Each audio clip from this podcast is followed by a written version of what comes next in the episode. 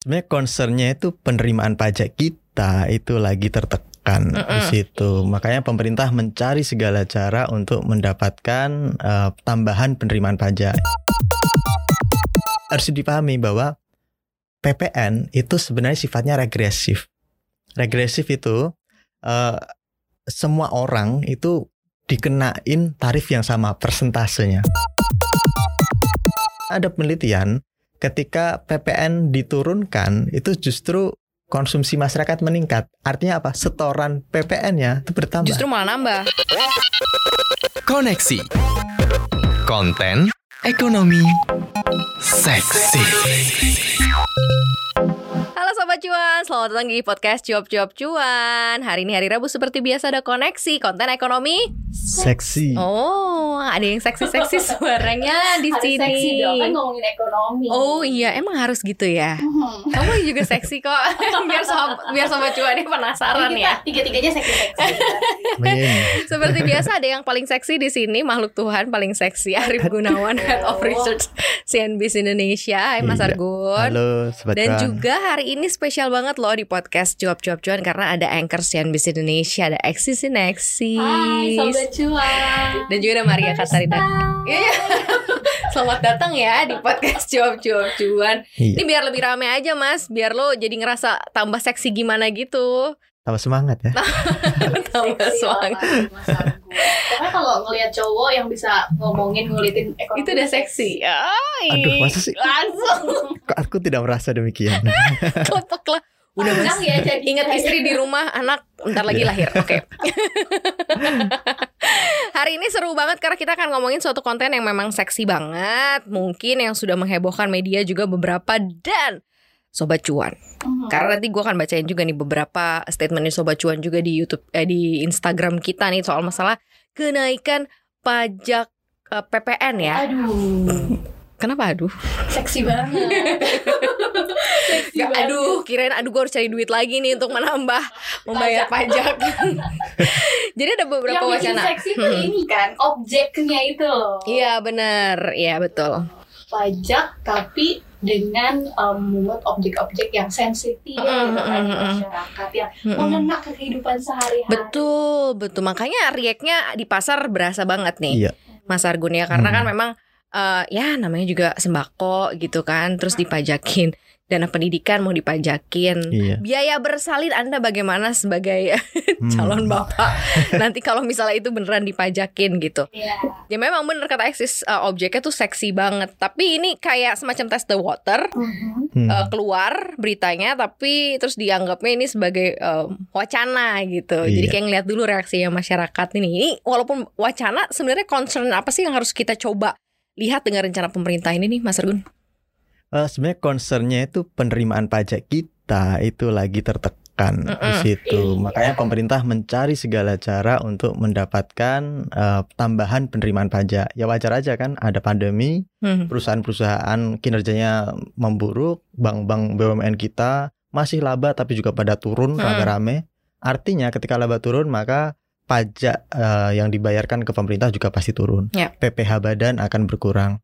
Dan itu sudah terjadi bahkan sebelum pandemi loh. Kalau pada tahun 2019 itu kan penerimaan pajak kita tuh hanya 1070 triliun Mhm, mhm. itu hanya 89% dari targetnya. Itu 2019 belum ada pandemi. Nah, 2020 2021 ya bagaimana gitu. Nah, nah ini yang kemudian eh, memaksa pemerintah untuk ya nyari cara karena kalau nyari utang mulu entar diprotes ya kan. Mhm. Wah, Netizen utangnya mem- kan. membumbung tinggi gitu kan. Eh, tetapi yang kemudian ya sekarang orang jadi kaget itu kok eh, tet- datanya udah keluar, draftnya sudah muncul di Ya. publik, tetapi terus pemerintah dalam hal ini Menq menilai itu baru wacana, Hmm. ya ada ketidaksinkronan gitu. Kan? Jadi diciptakan kan juga dulu gitu kan. Iya. Iya. Sampai dulu ada versi-versi draft itu ya Iya, berbeda-beda. versi-versi draft. Tapi kalau ini kayaknya enggak ya. Ya kalau sekarang em, polanya emang sama sih. Sebenarnya kalau Mm-mm. pemerintah itu lagi bikin aturan undang-undang misalnya dan itu eh, berpotensi memicu kontroversi, biasanya akan ada yang bocor gitu. Mm-mm. Mhm. Apakah yang membocorin orang luar saya kok nggak yakin. Ya pasti itu dari Hmm. eh, internal pemerintah sendiri memberitahu ke media atau ke eh, anggota dewan yang kemudian membocorkan ke pihak media massa Ya. agar publik kemudian bereaksi, aware gitu Mm-mm. aware kemudian bereaksi. Oh, ini ternyata kontroversial, rame. Lah nanti kemudian pemerintah mencari titik temunya, titik keseimbangannya di mana. Mm. Misalnya Mm. sekarang kan yang rame PPN. PPN ini yang ditolak misalnya pendidikan, kemudian eh, sembako, Mm-mm. kesehatan dan sebagainya. Dan nanti pemerintah akan memberikan solusi ya kan. Oh ya, nanti kita akan melakukan misalnya kalau yang ditawarkan sekarang PPN sembako dikatakan perlu diberikan PP eh, apa pajak PPN tetapi nanti ya tidak semuanya kena Oke. sembako masyarakat kecil itu nggak kena beras-beras dari petani itu nggak kena Mm-mm. yang kena beras premium katanya 15% minimal kan gitu. Iya, iya. Nah, mungkin itu yang nanti akan ditawarkan oleh pemerintah untuk jadi solusinya. Padahal udah disiapin juga sebenarnya dari awal ya. Biasanya gitu. Ini loh sebenarnya maksud dari Iya. kayak gitu ya. Iya Iya. makanya. Iya, Cuman iya. kan karena memilah-milih tadi kan kalau dibilang ini objeknya yang bikin seksi, nanti implementasinya tuh kayak gimana gitu. Hmm. maksudnya kenapa gitu kenapa harus Hmm. ini di sekian Hmm. di antara sekian banyak objek gitu Beras beras premium. Terus kan ada tuh eh, beberapa postingan yang dipajakin nanti yang shirataki namanya. Mm-mm. Beras biasa enggak gitu. Daging biasa nggak kena pajak tapi daging wagyu kena Uh, gitu. Jadi kan maksudnya ada ada berbagai macam jenis produk di pasaran. Ya. Nah kalau yang satu dipajakin kan dan ini kan akan dikembalikan kepada kita dong untuk milih Mm-mm. barangnya. Nah kalau misalnya mis- gua mau pilih yang nggak ada pajaknya, nanti semua demand ke situ. Iya. Premium nggak laku, langka deh jadinya. juga bisa milih Mm-mm. untuk nggak milih itu akhirnya karena ada pajak Benar. kan? Ya. Ya, itu yang pasti nanti akan jadi bumerangnya gitu. Mm. Karena kalau sekarang ibaratnya gini, kita kan ada BBM ini contoh gampangnya, ada Mhm. premium, ada Pertamax, ada Pertalite gitu. Ketika ada pajak PPN nih misalnya dikenakan ke bensin tersebut, Mhm. meskipun kisarannya paling kecil misalnya di produk eh, Pertamax Plus misalnya, Mm. apakah kemudian itu tidak eh, apakah itu tidak- eh, kemudian eh, tidak akan mencegah orang untuk beralih gitu kan? Iya. kan kalau kita bicara soal uh, supply and demand, kemudian masyarakat selaku konsumen, konsumen behaviornya gimana? Mhm. Ya biasanya ketika ada kenaikan harga dan ada apa namanya ada komplementer barang komplementernya, ya dia akan cari yang lebih murah itu gitu. Iya. yang nggak jauh-jauh beda gitu Nah. kan Kalau misalnya sekarang wagyu harganya satu juta misalnya Wah. per apalah per kilo misalnya, Mm-mm. kemudian dikenakan pajak 10% kan jadi 1,1 juta. Hmm. maka pola konsumsi masyarakat akan berubah karena kalau kita bicara wagyu, bi- beras shirataki, Hmm. barang-barang premium itu kan barang-barang mewah. Mhm. Nah, barang mewah ini itu eh, barang yang sifatnya elastis. Iya. Jadi konsumen itu peka terhadap Iya, perubahan iya, harga. iya, Jadi iya. harganya naik, ya dia akan berganti. Iya, karena Beda. willingness to pay-nya juga akhirnya Masih di situ. kan oh, Hmm, waktu Iya. itu harganya harga harga belinya naik tapi gaji kan nggak naik mas. itu dia. tapi itu bukan berarti gitu mau terus- Konsumsinya sebegitunya ah. gitu kan apalagi kita punya isu consumption issue juga nih sekarang Iya, kan daya beli. Jadi balik lagi kalau tadi tujuannya untuk meningkatkan penerimaan pajak, kalau kayak gitu kasusnya kira-kira efektif gak sih? Kalau misalnya ternyata yang terjadi malah orang milih objek Mm-mm. yang lain gitu yang nggak kena pajak, nggak efektif dong jadinya atau gimana? Ya, aku Nggak tepat nggak ada- tepat ada sasaran mungkin kali gitu. Iya, ada efek eh, buruknya sih. Jadi eh, yaitu tadi mungkin akan ada pergeseran pola konsumsi. Hmm. Jadi masyarakat yang tadinya biasa makan atau konsumsi barang-barang premium itu nanti akan mengurangi konsumsinya dan beralih ke barang-barang yang reguler yang biasa. Hmm. Apa yang terjadi ya berpeluang ada kelangkaan produk barang reguler tadi itu. Misalnya daging, daging sapi misalnya. Biasanya orang-orang yang kaya taruhlah mereka beli wagyu dan kawan-kawan, tapi dengan pengenaan PPN ini mereka melihat selisihnya kok jauh banget. Sementara Mhm, wagyu mhm. dan daging impor dari apalah eh, sadar India gitu. Ya, Terlalu beda-beda banget. nggak terlalu beda Eh, banget. tiba-tiba langsung ah, sama aja kok rasanya enak ya antara wagyu sama daging biasa ya. Atau mungkin dia mengurangi pola konsumsinya. Jadi biasanya makan wagyu seminggu sekali atau setiap hari sekali dia akan mengurangi dan nanti pindah ke daging yang biasa. Yaitu kalau pasokan yang daging biasa nggak ada ya kelangkaan. Kemudian yang kedua yaitu eh, eh, efeknya ke para pro- produsen atau pengusaha wagyu, shirataki, produk-produk premium itu akan ya mengalami penurunan permintaan, bisnisnya akan seret gitu. Karena ya tadi kalau kita bicara barang premium dia sifatnya elastis, tapi kalau barang Mhm. yang barang-barang pokok sembako yang murah-murah reguler itu inelastis. Kalaupun dinaikkan, ini kasus Jepang nih ada penelitian. iya. Oh, oh, Jadi oh. kalau di sana itu pernah itu VAT itu dinaikkan, eh, VAT itu PPN ya, value added tax itu dinaikkan ke barang-barang sifatnya tadi itu yang reguler. yang biasa Mhm, dipakai. mhm, Memang ada penurunan tapi dalam jangka pendek. Kemudian dalam dua bulan atau tiga bulan kemudian itu terjadi kenaikan lagi dan kembali ke titik normal. Ya. Biasa ya orang Iya, karena- itu. Karena ini barang pokok Oh, gitu. oh. Kalau dikenain. PPN, ya orang tetap harus mau beli. Oh, Beda sama yang barang premium. oke. Jadi kalau Hmm. pemerintah berdalih bahwa ini adalah untuk keadilan, maka yang premium diberi PPN, sementara yang non premium tidak diberi PPN. Ya, yang terjadi bukan sistem supply and demand yang adil. Oh, oh. Betul, betul. Karena nanti betul. orang, mohon maaf nih, orang miskin yang tidak pernah beli wagyu, tiba-tiba dia ketika pengen beli daging, mungkin supply-nya eh, berkurang. Benar. Yang artinya apa? Harganya Harganya naik. harganya juga gitu. ikut naik sama Juga juga. dong, Iya, ya. karena demand-nya bertambah karena Iya. ada perubahan Iya. pola konsumsi. Mm-mm. Dan- berebutan gitu istilahnya orang kaya. Iya. ya kan?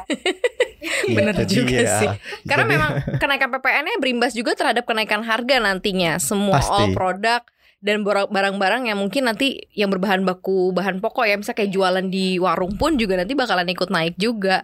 Ya. Sebenarnya akhirnya berimbasnya ke mana-mana Yang gitu kan. multiplier efeknya tuh Mm-mm. panjang juga. Mm-mm. Ya dan pengenaannya itu kan nanti jadi apa namanya eh, pemerintah pasti harus mengeluarkan PMK. PMK-nya Hmm. nanti berarti harus banyak. Jadi gini, eh, kalau kita mau eh, menambah penerimaan pajak itu kan ada dua cara, intensifikasi sama ekstensifikasi. Kalau Hmm. intensifikasi itu ya objek pajak yang sudah ada, pembayar pajak yang ada, wajib pajaknya itu Hmm. dikejar. Hmm. Dinaikkan tarifnya, misalnya itu intensifikasi. Ekstensifikasi itu ditambah. Tadinya yang nggak dipajakin, sekarang dipajakin. Mm. Nah, yang sekarang dijalankan ini ekstensifikasi. Masih ya. Untuk melakukan itu, misalnya pemerintah sebenarnya membidik eh, Wagyu, Shirataki dan kawan-kawan Ya. tadi itu, maka pertama yang harus dilakukan adalah harus menjadikan itu objek pajak gitu. Hmm. Nah, untuk menjadikan itu objek pajak maka harus merevisi ketentuan umum Benar. per- perpajakan, Perpajakan, KUP, iya. undang-undang itu kan yang yang lagi Eh, masuk prolegnas. Hmm. Iya, Iya. eh, untuk ganti nomor apa tuh 6 tahun Hmm, 9 hmm, ti- 83 gitu. Itu mau direvisi. Nah, nanti dikeluarkan tuh barang-barang tadi yang tadinya dikecualikan dari pajak sembako dalam hal ini itu dikelu- dikeluarkan. Dalam rangka apa? Biar bisa ngenain pajak ke yang premium-premium. Iya. Tetapi yang reguler gimana? Biar nggak kena nanti harus ada PMK. Betul. PMK itu berisi Ya, berikut ini sembako yang, di- dikeluarkan, dikeluarkan dari atau ya objek pajak dikecualikan. exemption ya. Mhm. Dan itu sudah berlaku ada PMK em, nomor 30 tahun 2011 itu ada tiga barang yang dikecualikan dari PPN. Barang Mm-mm. maklon, Mm-mm. jasa konstruksi, sama jasa perbaikan barang bergerak. Mm-mm. Jadi itu dimungkinkan. Artinya kalau skenario pemerintah adalah membidik barang-barang premium, eh, barang sembako premium, Ya, ya dia harus ini sembako dikeluarkan dulu dari undang-undang KUP. Tahapannya nih ya, tahapannya. Mhm. baru kemudian dikeluarkan PMK yang mengecualikan sembako eh, misalnya apa beras Iya. reguler eh, produksi pertani Indonesia yang harganya sekian sekian sekian, Sekian sekian tetapi itu pasti akan panjang Iya, Ya. iya. dan ya nanti pelaksanaannya di lapangan yaitu ada akses eh, itu apakah Mhm. berarti orang akan tidak beralih ke reguler untuk menghindari PPN itu karena ada penelitian ketika PPN diturunkan itu justru konsumsi masyarakat meningkat artinya apa setoran PPN-nya itu bertambah Justru malah nambah. Ya. Logika aja. Iya. Ah, benar, benar, benar, tetapi benar, kalau benar. ada PPN atau misalnya PPN dinaikkan ya otomatis orang mungkin beralih, beralih beralih. Menahan konsumsi. menahan konsumsinya kecuali produk-produk yang Tidak dikenakan PPN. Iya. iya, itu hukum ekonomi sih ya nggak, Mas? Ya kan? Hukum ekonomi sih Jogjanya kan memang begitu. Ini kalau kita ngelutaknya ke, ke konsumsi yang memang real sembako gitu ya. Ya. Kan sebenarnya ada beberapa objek-objek lain nih kayak sekolah lah, terus kemudian rumah bersalin, eh, apa namanya eh, persalinan lah Ya. gitu ya. Kan, gitu gitu Mm. Nah ini kayak gimana nih nanti kalau kalau sekolah katanya sekolah internasional, sekolah biasa sama enggak? juga konsepnya kan. Pokoknya ngincernya apa-apa yang- premium. Iya. yang berbau-bau premium Eh, bersalin juga sama gitu. Mm-mm. Ini kan maksudnya semakin berpolemik lah gitu. Ya, dan di situlah problemnya. Jadi mungkin spiritnya pemerintah menambah penerimaan pajak, basis pajak. Tetapi kemudian sekarang terjadi adalah muncul ketidakpastian. Mhm. Jadi aturan diciptakan harusnya kan memberikan kepastian. Hmm. Tapi sekarang masyarakat merasakan ada ketidakpastian. Jadi nanti rumah bersalin yang bagaimana yang dikecualikan? Mhm. Beras yang seperti apa yang dikecualikan? Nah itu belum ada penjelasan dari pemerintah. Hmm. Pemerintah Hmm. baru berdalih ini hanya untuk keadilan, ini untuk masa orang kaya dipajakin, eh, enggak dipajakin sama seperti orang Mm-mm, miskin. mm-mm, Harus harus dipahami bahwa PPN itu sebenarnya sifatnya regresif. Regresif itu eh, semua orang itu dikenain tarif yang sama persentasenya. Oke. Mhm. Eh, selain pre- regresif ada progresif. Nah contoh Mm-mm. tarif progresif itu PPH. eh, Mm-mm. penerimaan penghasilan kita Oh iya, iya. gaji saya segini Dipotong eh, sekian. sekian, tapi Mm-mm. semakin tinggi maka potongannya Makin semakin gede. besar. Mm-mm. Tapi regresif semua kena. Ya maksudnya kayak barang Tapi sama gitu ya. sama, barang A, eh, shirataki misalnya beras shirataki kena pajak PPN 15%, semua harus membayar seperti itu. Nggak peduli Anda gajinya satu miliar atau Mm. gajinya 100 ribu per Mm-mm, bulan, mm-mm. ya bayarnya segitu gitu. Dan ini yang yang kemudian menjadi problem ketika dikenakan pada eh, barang-barang yang dibutuhkan masyarakat dan ini persepsinya sangat beragam loh yang dibutuhkan Mhm. seperti apa Mhm, bersalin persalinan mhm. masa sih kita dipaksa untuk Mas. Iya mau bersalin. kan yang mau menunggu ya momen itu bisa jadi eh, curahan hati Iya Ibu ya. bener. Ini bisa atau- jadi pemikiran ini mah untuk ibu hamil di luar sana tolong please. Oke. biaya perkawinan Nah iya hati-hati gitu ya Eh bahan bahan baku naik nanti biaya nikah naik juga konsumsi. Iya repot kan lo. Udah jadi kepikiran lanjut ya Lanjut. itu makanya regresif ini berlaku ke semua orang jadi kalau bicara soal keadilan dalam konsep regresif itu tidak ada keadilan Hmm. karena anda dikenakan mau eksis kaya raya atau orang lain miskin pun Mm. ketika mau mengakses satu produk pajaknya sama gitu jadi ya kalau Ya, karena bicara soal pilihan ada di tangan eh, customer gitu ya kita gitu kan. Iya. Dan ka- kalau mau bicara keadilan, mestinya pemerintah menggenjot penerimaan pajak dari orang kaya. Hmm. Apa nih PPh badan misalnya atau PPh pribadi yang sudah Oke. sudah dinaikkan ya kan. Hmm, hmm. Tetapi PPNBM malah dibebaskan misalnya. jadi Eh, banyak yang Eh, langsung. Tadi tuh belum tahu mungkin kita tuh pajak kan ada BPN, BPN, BPH. Hmm. Tadi kan katanya penerimaannya lagi uh, menurun gitu kan, lagi Ya. nggak bisa maksimal. Hmm, hmm, Sebenarnya hmm. komposisinya tuh lebih besar yang mana sih nih antara BPN, BPNBM, Oh, ya. BPH? PPN kali ya mas. Ya, Yang paling gede ke- itu ya. terbesar di struktur penerimaan pajak kita PPh. Migas. PPh ya non non Non-migas, migas. non-migas. Migas malah kecil 33 triliun kalau kemarin tahun lalu. Pajak PPh non migas badan maupun eh, pajak kita nih para karyawan itu kemarin menyumbang 560 eh, triliun. Itu Mhm. sekitar 54-an persen. Disusul kedua baru PPN. PPN memang terbesar kedua. Hmm, Ya, sekitar 40 persen tadi persentasenya ya. Dia 448 triliunan pada tahun lalu. hmm. Kalau ini dinaikkan ya mungkin pemerintah melihat ini shortcut gitu. PPN kemarin gede. Ya sudah, Sukanya Terbesar jalan kedua. aja. ya udah dinaikkan aja. Nanti kan pemasukannya bertambah. Heeh. Tetapi yang perlu di- diingat yaitu ini produk eh, ketika tarifnya tinggi itu justru biasanya pengumpulannya menurun gitu. Iya. Pen- bener. Murah, ya, Bener. murah. Karena yaitu konsumsi masyarakat akan berubah. Hmm, hmm. Itu yang harus diperhitungkan oleh pemerintah gitu. Apakah ini nanti efektif atau malah jadi blunder? Ya pemerintah harus mempertimbangkan mulai dari ini gitu. Kalau kalau rumah sakit atau biaya bersalin itu juga akan maksudnya akhirnya orang akan lebih mana? Lebih pilih yang nanti lebih ke klinik mungkin ya atau pilih apa gitu. BPJS mungkin. BPJS mungkin nanti akan kebanjiran ya order gitu ya. Iya, jadi masyarakat menengah yang harusnya biasanya eh, dia re- prefer untuk bersalin di yang agak ini ya agak nyaman Mm-mm. gitu, nggak pakai BPJS. Kemudian sekarang ada biaya khusus rumah sakit yang kelas sekian, Mm-mm. ya ada mungkin akan ah ya udahlah beda lumayan juga nih eh, du- dua atau lima juta misalnya. Iyalah, Yaudah, mending lumayan saya- itu. Ya eh, BPJS dan apa eh, aksesnya yaitu BPJS akan semakin Bleeding. bleeding dan Hmm. antrian semakin panjang, akses Tuh. masyarakat miskin untuk mendapatkan ben- Ah, lagi-lagi sama orang baik. menengah. sama orang menengah ke atas itu loh ya kan emang nggak bisa ya nyari pajak dari tempat yang lain gitu atau langsung aja kalau emang mau menyasar nggak kalau mau menyasar gini loh Jis kalau mau menyasar eh, orang-orang yang memang bisa berkontribusi lebih ya dianya aja yang langsung dipajakin orang P- kayaknya gitu. Betul, PPh perorangan. Heeh. Iya. Heeh. Yang tadi besar juga kan? Besar itu terbesar pertama. Heeh. Dan pemerintah sih sudah uh, berusaha mengejar itu kan PPh perorangan naik kan jadi 35 persen kalau nggak salah. Mm-mm.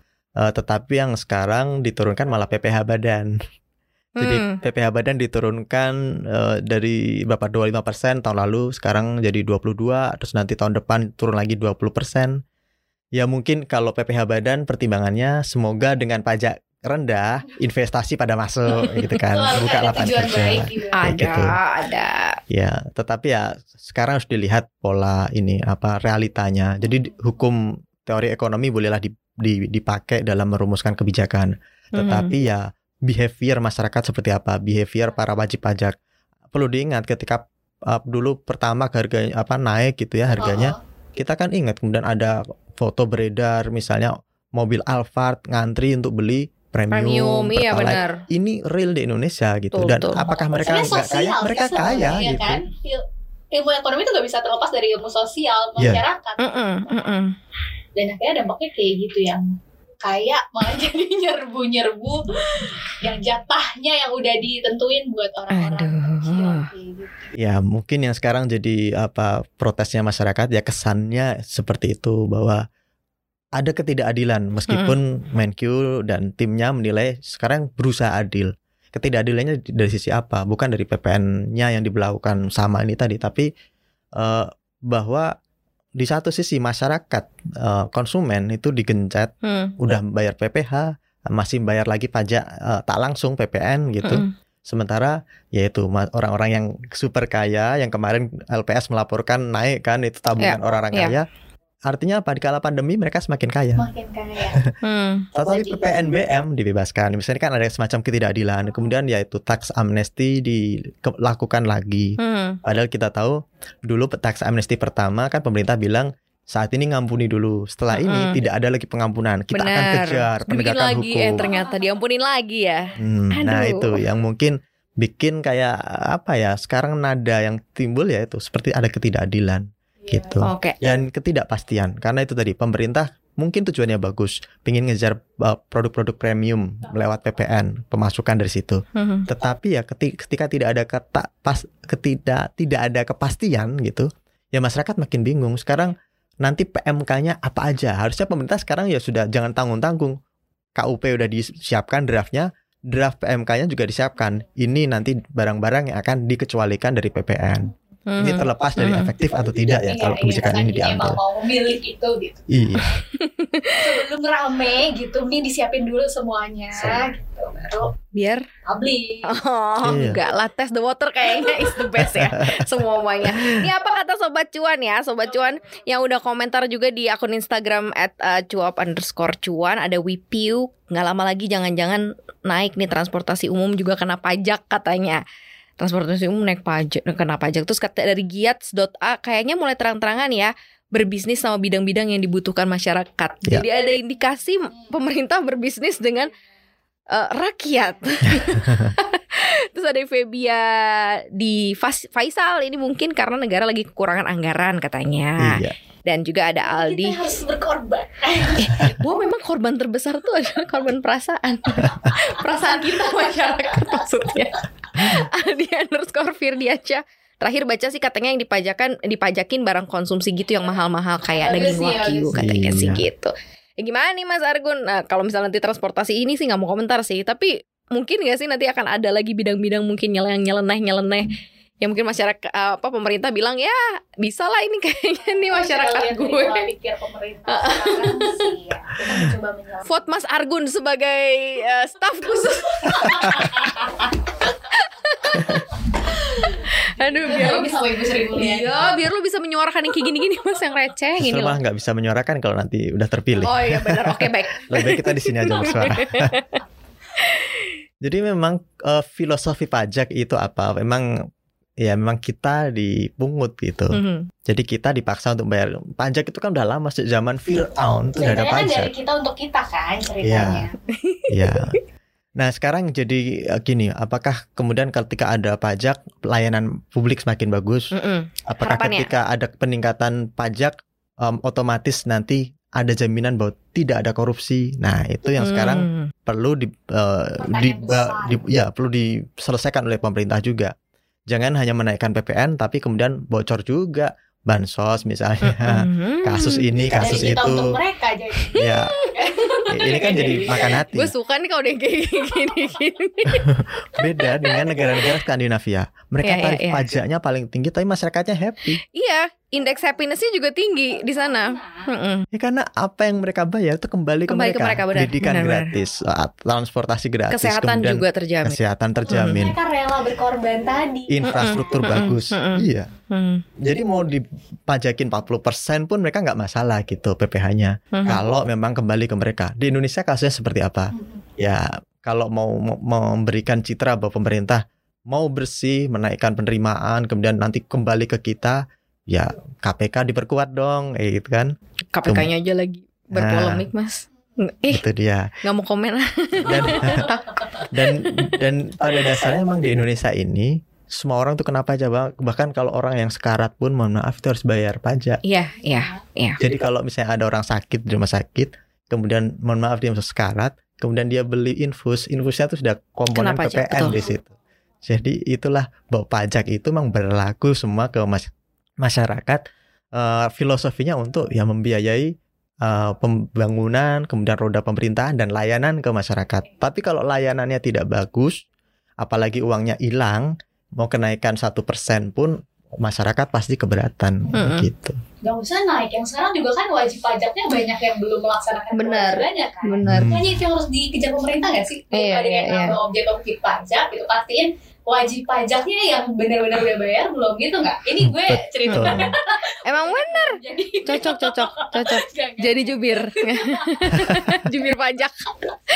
Tapi iya benar, eh, eksis benar. Faktanya memang demikian. Kan sekarang udah sering ya kita dengar ya ada ada gium bahwa Dirjen Pajak itu berburu di kebun binatang. Sebenarnya Ha-ha. masih banyak binatang di luar yang belum dipajakin dalam arti perusahaan-perusahaan yang belum kena pajak, sektor usaha yang eh, profitable tapi belum dikenakan pajak Hmm. itu.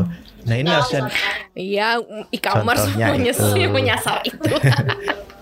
tapi kan ya katanya di eh, Ditjen Pajak ini masih kekurangan orang ya gitu. Ya kalau Iya, itu waktu kita bahas problemnya kan nih harus ya. ditambah juga ya orang-orangnya ya. jumlah penarik pajak Indonesia Mhm, dibandingkan dengan mhm. di Jepang itu masih banyak kan di Jepang Mm-mm. bahkan pro- SDM, berarti. SDM. masyarakatnya kan jumlahnya nggak sebanyak di Indonesia gitu tapi ternyata ya lebih banyak kan karena memang pajak itu nggak pernah ada orang mau bayar sukarela Mm-mm. kalau Mm. bisa ngindar ngindar kalau bisa ngindar beli wagyu untuk dapat daging nggak beli daging aja gitu loh jadi pola-pola seperti ini behavior behavior kayak gini harus diperhatikan para pemangku kebijakan ketika mengambil kebijakan Mm. Ya memang ka- kalau Eksis bilang sekarang harusnya yang dikejar yang itu itu ya benar. Tetapi apakah Dirjen Pajak mau melakukan itu? Apakah pemerintah punya uh, political will? Ya itu persoalan lain gitu. Karena kalau kita tahu kan Hmm. biasanya yang punya akses ke kapital mereka akan investasi ke Bener, politik betul untuk meng, sekali. ya untuk biar mereka tidak kena pajak dan sebagainya dan sebagainya.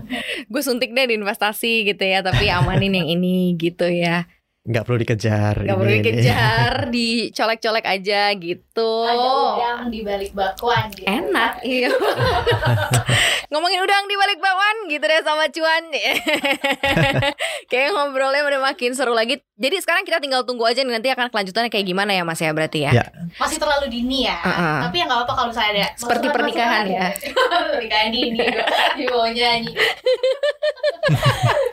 Maksudnya eh, ya tadi tes water Iya. Gitu kan. Kalau baca mungkin ada ada bakat-bakat menjadi jubir atau staff harusnya kayak gini aja nih Bu Srimo harusnya kayak gini aja Gak berani kayaknya Cis kalau udah diangkat mah.